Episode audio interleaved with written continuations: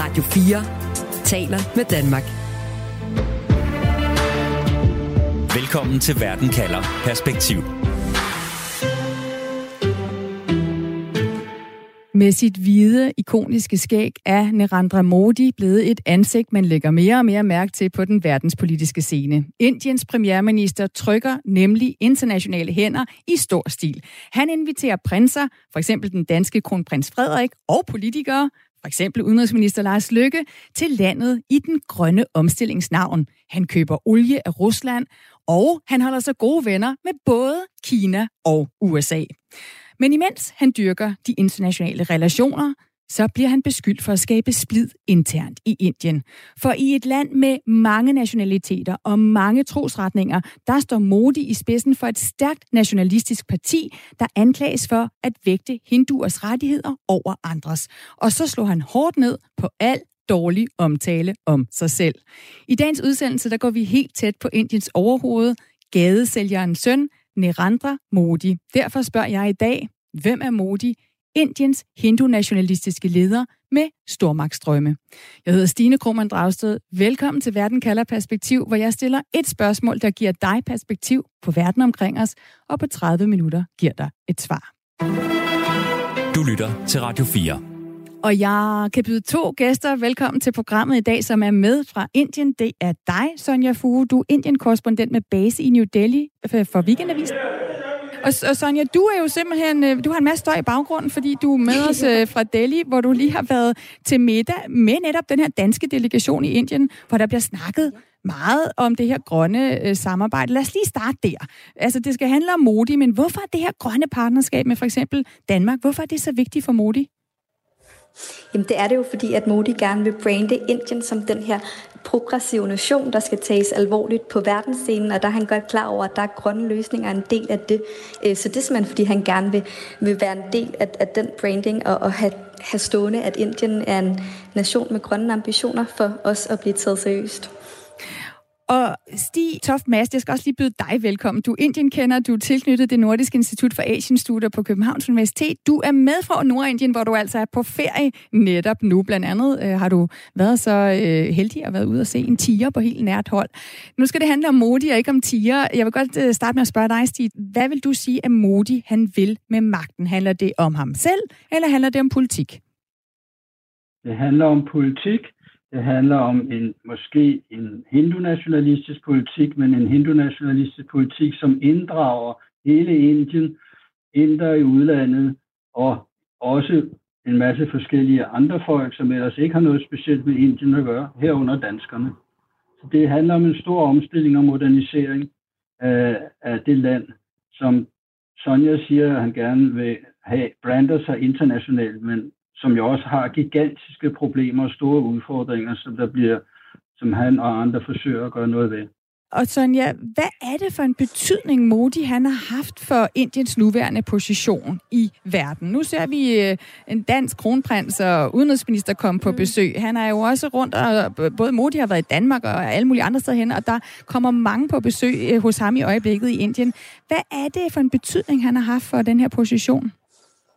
Jamen, hans tilhængere vil jo rose ham for at være den her gode forretningsmand, der har sat Indien på verdensscenen, og som har formået at få flere investeringer til Indien, som jo er kendt for at have et meget tungt byråkrati og skræmme mange virksomheder væk. Og det han altså øh, blev kendt for, øh, især blandt sine tilhængere, for at have nedbrudt noget af det her byråkrati og fået flere investeringer til Indien. Og det er dog mange, der, der, der er glade for. Øh, ja. Og, og Sonja, vi hører jo om, at han er, han er meget populær, men hvor sikkert sidder Modi egentlig på magten? Der er jo heller ikke en stærk opposition i Indien lige nu. Nej, det er jo nok meget det, det handler om, fordi det er ikke fordi regeringen ikke har udfordringer, det er heller ikke fordi regeringen og Modi ikke har kritikere, øh, men de har netop ikke en stærk opposition. Altså lige nu så er det Rahul Gandhi, der er i spidsen for den opposition, og han har gået gennem, tværs gennem Indien med sådan modfortællingen til Modis øh, hindu-stat, øh, om det her, den her sekulære stat øh, Indien, og, og tilbage til det, at der skal være plads til alle religioner og minoriteter. Altså og han er fysisk gået tværs igennem Indien? Ja, det er han, og han har faktisk fået mere, altså flere, det er gået lidt bedre, end man måske havde regnet med, men det er altså stadig ikke rigtig lykkedes eh, Rahul Gandhi at samle en stærk opposition, og der er jo kun et år til valget nu, så det, det virker som om, i hvert fald hvis man skulle analysere på det fra hvor vi står nu, at, at det bliver svært for Kongresspartiet eh, for alvor at give modig modstand. Men altså lad os nu se, der er jo også et år til, så der kan jo også ske, ske meget. Stig Toft Madsen, vi hører, at, at han er populær øh, modig blandt, blandt mange indere, men også, at der er, er mange, der ser kritisk på ham, og der er en, en svækket opposition, som prøver at rejse sig. Du siger også, at der også er dem, der frygter ham. Hvem er de? Jeg tror, hvis man skal være en magthaver i Indien, uanset om det er modig eller nogen andre, så skal man øh, være rimelig modig og kunne tage en høj grad af modvind og være ambitiøs og man skal kunne statuere et eksempel. Nogle gange kan det være på lovens kant, øh, fordi ellers er der 117 forskellige grupper af personer, som gør oprør mod en. Så man skal virkelig øh, være noget i retning af det, man kalder magtfuldkommen i Danmark. Øh, og det kan være, at han er det. Han er en lille konge, men han er jo en folkevalgt konge, som I har været inde på. Han har større opbakning end tidligere ministerpræsidenter. Han reagerer ved hjælp af dels, at han er så populær, man kan sige med indisk øh, ord eller almindelig terminologi. Øh, folk, de elsker ham, eller er hen, ham hengivende i et eller andet omfang.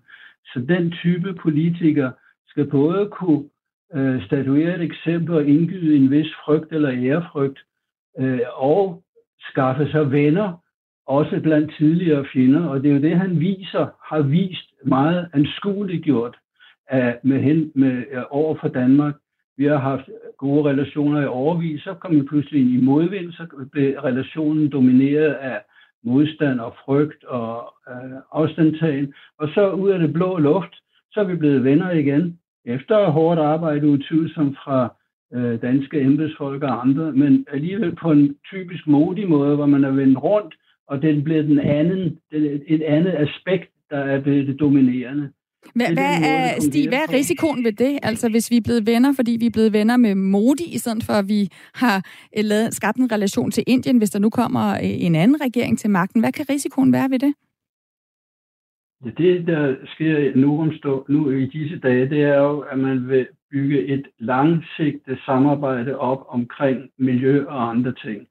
De problemer, der er omkring miljø i Indien, de er gigantiske. De kan ikke ordnes på en dag. Sydasien, nabolandene, Indien, og herunder det nordlige område af Indien, hvor man nu har fokus på, når man siger, at man vil rense Gangesfloden og bifloderne til Gangesfloden i Benares, som er der, hvor Modi opstiller.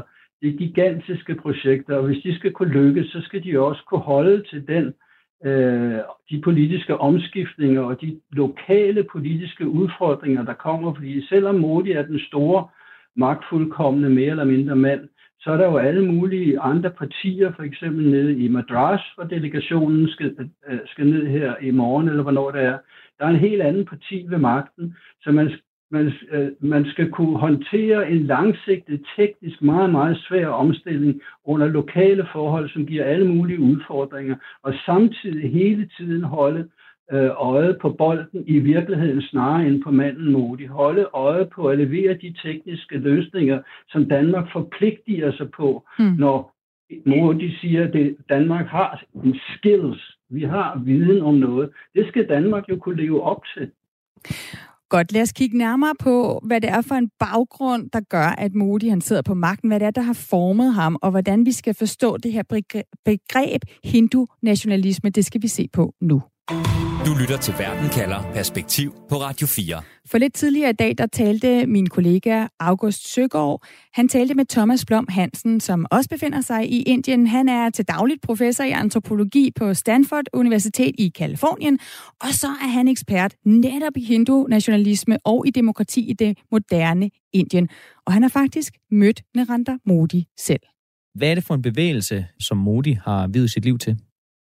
Organisationen hedder Rashtriya Swayamsevak Sang. De er en militant organisation, som blev stiftet i 1925. De har uniformer på, de træner øh, både krop og sjæl øh, blandt hindu-mænd, forsøger på at gøre Indien til en stærkere nation med stærke maskuline værdier.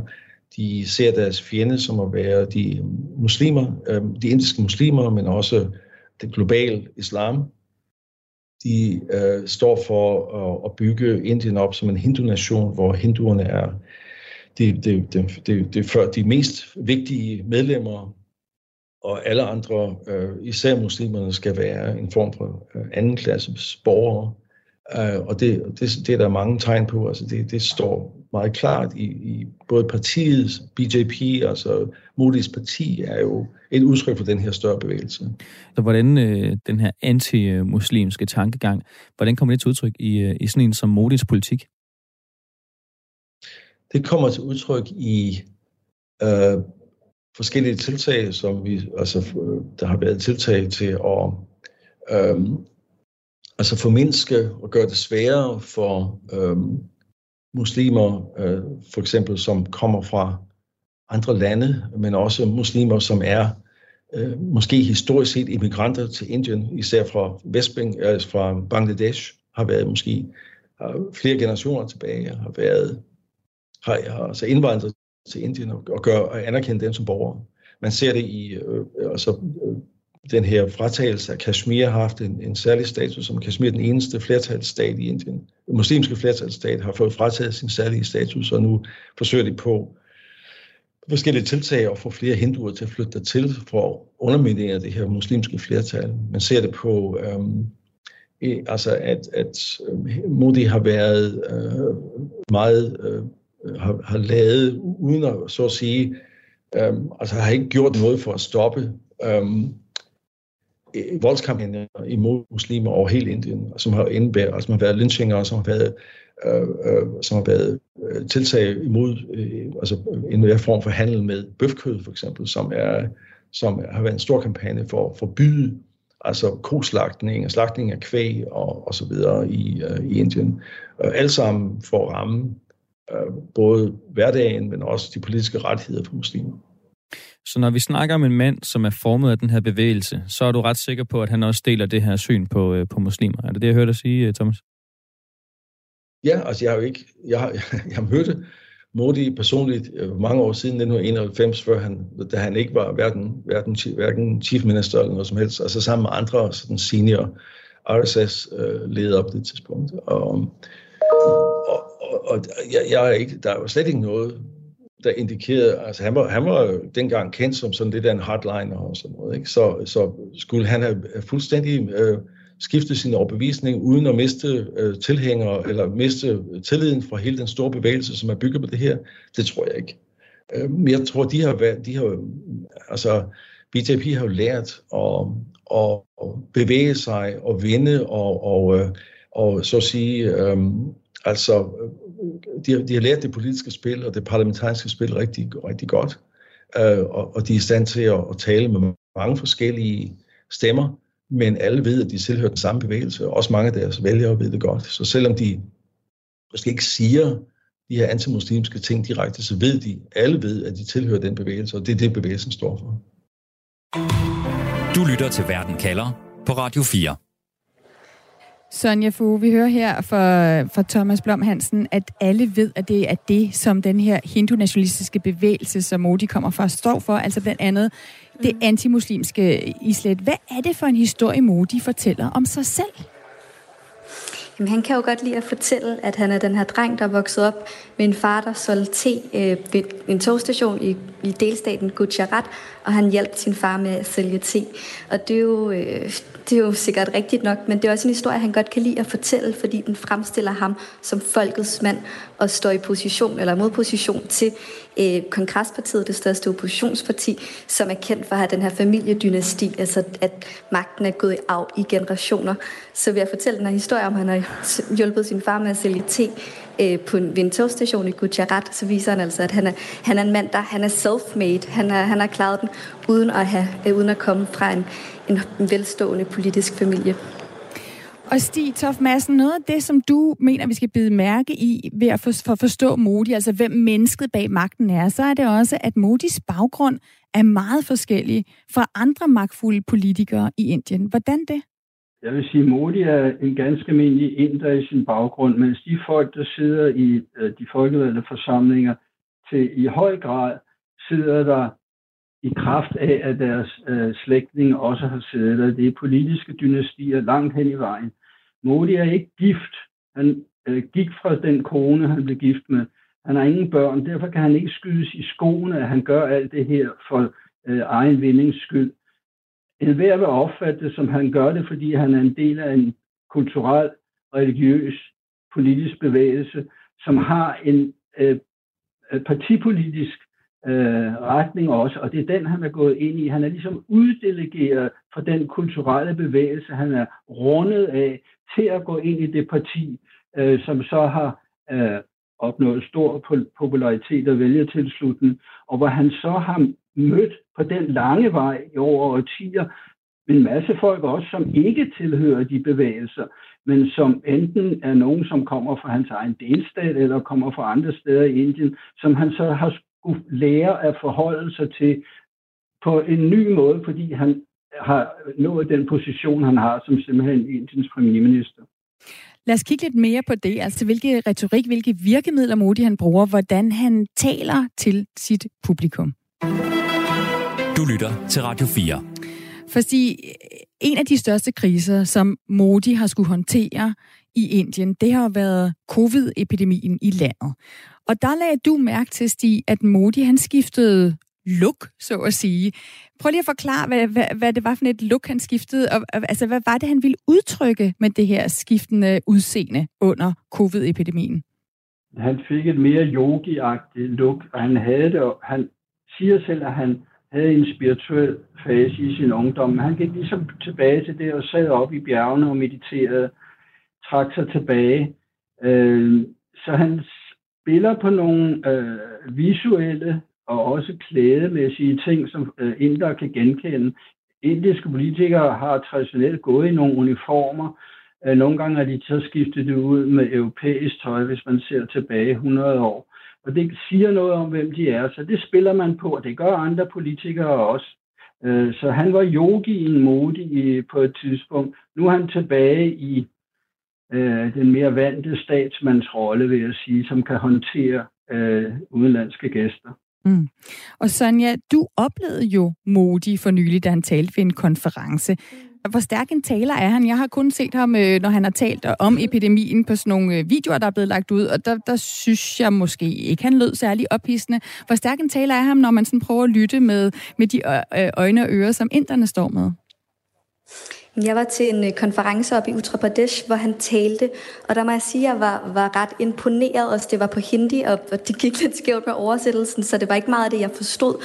Men man kunne klart fornemme, at han var en stærk taler. Han har også kendt for de her meget lange taler. Det var også en, en ret lang tale. Han bruger sit kropssprog meget og har sin pegefinger i vejret. Og han er også kendt for at stille de her meget direkte spørgsmål øh, til publikum, som man nærmest kun kan svare ja på. For eksempel, øh, har vi ført øh, Indien frem i verden, og så siger publikum ja. Så det, altså, han er en meget stærk retoriker. Jeg, jeg spurgte også mine indiske venner bagefter, om er alle indiske politikere, så når de bare taler de bare anderledes, end vi er vant til øh, fra Danmark, hvor man måske er lidt, hvor man ikke bruger sin, sit kropssprog på samme måde. Men, men de sagde altså også, at han er kendt for at være en virkelig stærk taler. Jeg kan også se, når han har læst om hans baggrund, at tidligere skolelærer har sagt, at han var måske ikke den, der fik de højeste karakterer i klassen, men han var en virkelig dygtig debattør. Så det skal man ikke kæmpe af. Og så er det jo sjovt, det Stig siger med corona, der, at han har skiftet look til at være mere yoga-agtig. Øh, der kunne man også se Delia, han sad, der var sådan store plakater, hvor han sad i yogastillinger.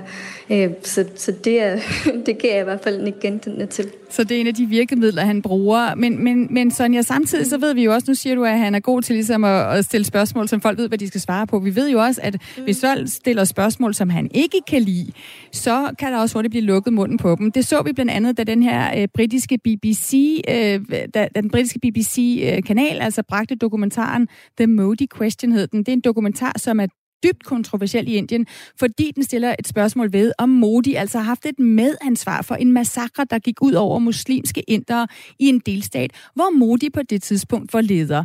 Og det er en dokumentar, der er blevet forbudt i, i Indien, øh, og så har vi også øh, BBC's kontorer New Delhi, øh, i, i New Delhi og Mumbai, der er blevet renset bagefter.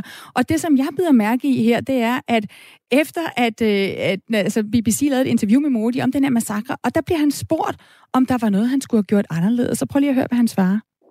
Yes. one area where I was uh, very, very weak, and that was how to handle the media. Ja, how to handle the media. Altså hans svar er, øh, ja, jeg fik ikke kontrolleret pressen, siger han. Sonja, hvad fortæller det os om Modis forhold til medierne? Jamen, det fortæller jo, at han, han ikke giver interviews længere nærmest. Altså, han vil selv kontrollere den kommunikation, som, som han giver. Han har sit eget radioprogram, hvor han taler til nationen. Han er meget aktiv på Twitter, og, eller Twitter og andre sociale medier.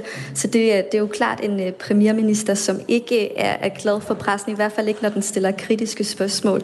Øh, jeg har også selv prøvet at få et interview med ham, og det er måske naivt, men der fik jeg også at vide, at, at han ikke havde givet interviews til, til udenlandske journalister i årtier. Og, og når man ser, jo, nu blev, er BBC-dokumentaren godt nok blevet ulovlig i Indien, men det var muligt at, at, at få tilsendt links, så jeg så første afsnit her, og der, der forstår man jo godt, når man ser de klip, der er med i den dokumentar, hvorfor han ikke stiller op længere. Altså han svarer virkelig ikke særlig godt for sig. Og han siger jo noget på hindi på et tidspunkt til en kvindelig journalist, som så bliver, bliver oversat bagefter, som er noget med, at Indien er kommet langt, men det er kvinder godt nok ikke. Øh, så den slags udtalelser er jo klart, det er jo nok også en, en måde at undgå at, at sige noget, øh, som kan blive, ja, stille ham i et dårligt lys. Radio 4 taler med Danmark. Modi er altså en politiker, der er klatret til tops, uden at være født ind i en magtfuld politisk øh, familie. Til gengæld så har hans familie altså været den her hindu-nationalistiske bevægelse, øh, som han er blevet, som har ligesom ført ham frem ind i det politiske rampelys i Indien, og har også gjort, at Modi nu har kunne markere Indien tydeligt på den store politiske scene. Og samtidig så står han som leder af et parti, der skaber splid i Indien. Og derfor så spørger jeg i dag, hvem er Modi? Og jeg kunne starte med at spørge dig, øh, Stig Toft Madsen, hvad er dit svar på det spørgsmål? Hvem er Modi? Han er en stor mand i Indien, som øh, står over for store øh, udfordringer, øh, og han har øh, indledt den her øh, relation til Danmark, eller formet den her relation til Danmark så, øh, i øh, enighed med Danmark, hvor Danmark forpligter sig til, til, til at levere øh, elementer til at løse, hvad jeg vil sige er reelt nogle af ens største problemer. Altså, det er ikke behageligt at trække vejret altid, øh, hverken i Delhi eller andre steder, specielt i Nordindien. Og den, øh, det vand, der er, og den øh, luft, der er, og den øh, støjforurening, der er, det er virkelig områder, som Danmark kan gøre noget ved. Så jeg vil sige, at han er en person, som er rundet af alt det, som Thomas Hansen og andre øh, snakker om, men som også vender sig i retning af at løse nogle af de udfordringer, som er reelle, og som vil fortsætte med at være der i, i lang tid, og hvor Danmark eventuelt vil kunne levere et, et bidrag. i et omfang, som gør, at Danmark måske vil blive husket, fordi det her drejer sig ikke om, at Danmark skal tjene på, at der bliver fabrikeret eller lavet et eller andet i Indien, som Danmark så kan bruge. Det drejer sig om, at Danmark, hvem der, sammen med hvem der end regerer i Indien, skal kunne løse nogle af de reelle problemer, der er til gavn for Indien og øh, til gavn for det globale øh, klima mm. øh, og øh, livsrum. Øh, ikke for at men, men hvor Danmark også skal kunne tage, betale, tage sig betalt for de ting, vi leverer til Indien. Godt. Lad mig også stille det spørgsmål til dig, Sonja Fue. Altså spørgsmålet i dag i programmet. Hvem er Modi? Og så tilføje, hvilke aftryk vil han gerne sætte i verden? Modi, han vil jo gerne sætte Indien på verdensscenen, det er helt klart. Altså det, han vil, det er vigtigt for ham, at Indien bliver taget seriøst, og man har også øh, sat helt konkrete mål for, hvor Indien skal være i, i 2047, hvor det er 100 år for, for ja, uafhængigheden øh, fra koloniherrene, og der vil man altså blive taget lige så seriøst som Kina og USA i verden. Tusind tak for den vurdering, Sonja Fue, altså Indien-korrespondenten med fra New Delhi, hvor du lige har, har været til, med til det her øh, danske fremstød, der også er i Indien, og altså uh, Indien-korrespondent for Weekendavisen. Selv tak. Og også uh, tusind tak til dig, Stig Toft Madsen, tilknyttet Nordisk Institut for Asian Studier og uh, på ferie i Indien netop nu. Ja, tak. Selv tak. Og husk, at uanset hvad der sker, så kan du få svar på et afgørende spørgsmål. Det får du lige her i Verden kalder med mig, Stine Krohmann Dragsted. Vi sender live hver mandag og torsdag, hvis du har lyst til at tænde for din radio.